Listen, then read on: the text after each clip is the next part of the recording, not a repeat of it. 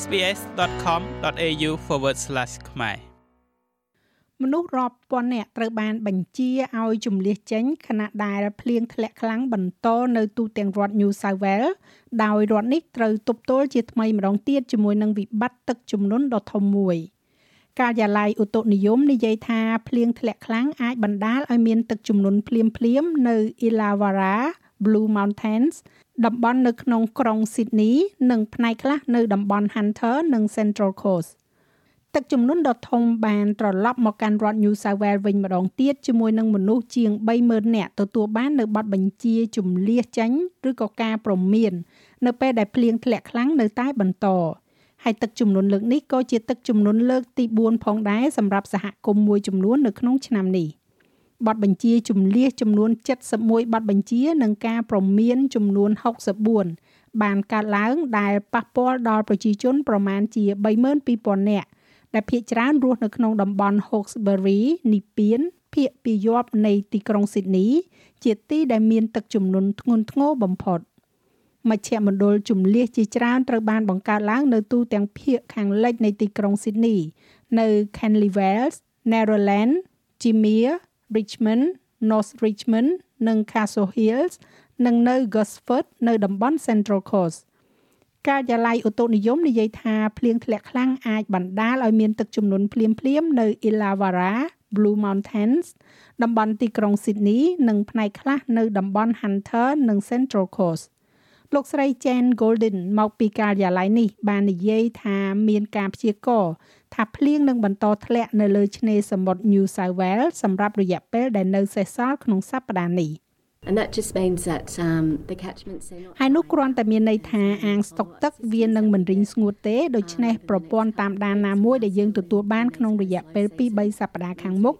យើងនៅតែស្ថិតក្នុងរដូវទាបនៃឆ្នេរភាគខាងកើតដែលមានន័យថាហានិភ័យទឹកជំនន់នៅតែមាន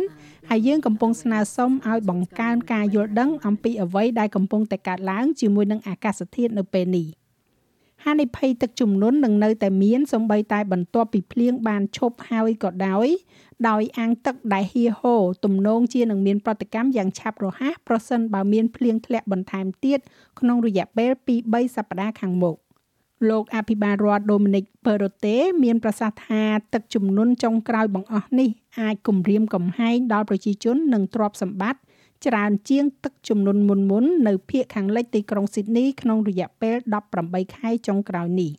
លោក Perrottet បានបន្ថែមទៀតថាបទពិសោធន៍កាលពីអតីតកាលមិនមែនមានន័យថាព្រឹត្តិការណ៍ទឹកជំនន់នឹងដូចគ្នាទេដូច្នេះហើយវាអាចមានស្ថានភាពអាក្រក់ជាងការរំពឹងទុក លោកបានជំរុញឲ្យប្រជាពលរដ្ឋអនុវត្តតាមការព្រមាននិងបទបញ្ជាពីខាងសេវាសង្គ្រោះបន្ទាន់របស់រដ្ឋ It's been a very difficult time. Uh, right វាជាពេលវេលាដ៏លំបាកមួយនៅទូទាំងរដ្ឋរបស់យើង នៅពេលនិយាយអំពីទឹកជំនន់ជាពិសេសនៅតំបន់ភាគពីយប់ជុំវិញទន្លេ Hawkesbury និង Windsor និងតំបន់នៅទីក្រុង Sydney ដែលមិនត្រឹមតែបានឃើញព្រឹត្តិការណ៍ទឹកជំនន់បែបនេះកើតឡើងតែម្ដងប៉ុណ្ណោះនោះទេប៉ុន្តែវាបានកើតឡើងជាច្រើនដងមកហើយប៉ុន្តែនៅទីបំផុតការបដោតជាចម្បងរបស់យើងគឺត្រូវធ្វើឲ្យប្រកាសថាយើងរក្សាសវត្ថិភាពប្រជាជន ហើយយើងរក្សាទ្រព្យសម្បត្តិរបស់ប្រជាជន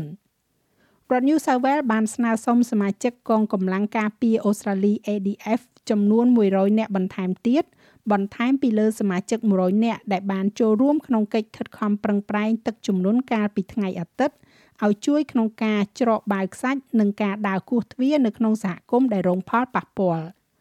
ទំនប់ Warragamba កំពុងតែហៀហូរទឹកដែលមានបរិមាណស្មើនឹងទឹកនៅកំពង់ផែ Sydney Harbour ក្នុងមួយថ្ងៃហូរចាក់បន្ថែមទៅលើទន្លេ Hawkesbury និងនីពៀនដែលកំពុងតែជោជន់ស្រាប់ទៅហើយនោះ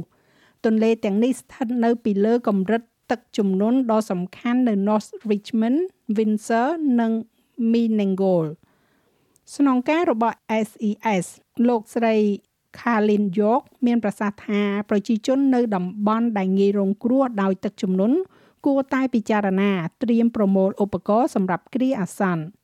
important documentation insurance ឯកសារសំខាន់សំខាន់ឯកសារធានារ៉ាប់រងថ្នាំសង្កូវធ្វើការសម្រេចចិត្តអំពីកន្លែងដែលអ្នកអាចទៅទូរស័ព្ទទៅក្រុមគ្រួសារនិងមិត្តភ័ក្តិឲ្យត្រៀមខ្លួនថាប្រសិនបើអ្នកជាកម្មវត្ថុនៃបទបញ្ជីជំនះចេញអ្នកត្រៀមខ្លួនរួចជាស្រេចដើម្បីចាក់ចេញពីកន្លែងនោះ ដូច្នេះការចេញបទបញ្ជាជំនះចេញដោយសារតែបរិវេណរបស់អ្នកប្រឈមទៅនឹងការជន់លិចសូមធ្វើតាមការណែនាំទាំងនេះហើយសូមចាក់ចេញនៅពេលដែលយើងប្រាប់ឲ្យចាក់ចេញអ្នកប្រហែលជាមើលមិនឃើញទឹកនៅជុំវិញអ្នកទេប៉ុន្តែវាមានន័យថាជាញឹកញាប់ផ្លូវថ្នល់ផ្លូវជំលះដែលអ្នកត្រូវចាក់ចេញនឹងត្រូវកាត់ផ្ដាច់ មជ្ឈមណ្ឌលគ្រប់គ្រងការដឹកជញ្ជូនបានណែនាំកុំឲ្យធ្វើដំណើរដែលមិនចាំបាច់ហើយក៏បានព្រមានអំពីការពន្យាពេលនិងគម្លាតនៅក្នុងសេវាដឹកជញ្ជូនសាធារណៈផងដែរប្រជាជនត្រូវបានលើកទឹកចិត្តឲ្យពន្យាពេលការធ្វើដំណើរតាក់ទងទៅនឹងថ្ងៃឈប់សម្រាកវិស្មកាលសិក្សាដោយតំបន់ឆ្នេរភាគខាងត្បូងប្រឈមមុខទៅនឹងហានិភ័យនៃទឹកជំនន់យូរអង្វែងរលកកម្ពស់រហូតដល់ទៅ5ម៉ែត្រក៏អាចនាំឲ្យមានការបាក់ច្រាំងសមុទ្រផងដែរ។ ចាស់ឲ្យរបាយការណ៍នេះចងក្រងឡើងដោយ Becky Kikumeles និង Greg Diet សម្រាប់ SBS News និងប្រែសម្រួលសម្រាប់ការផ្សាយរបស់ SBS ខ្មែរដោយនាងខ្ញុំហៃសុផារ៉ានីចូលចិត្តអ្វីដែលអ្នកស្ដាប់នេះទេ Subscribe SBS ខ្មែរនៅលើ Podcast Player ដែលលោកអ្នកចូលចិត្ត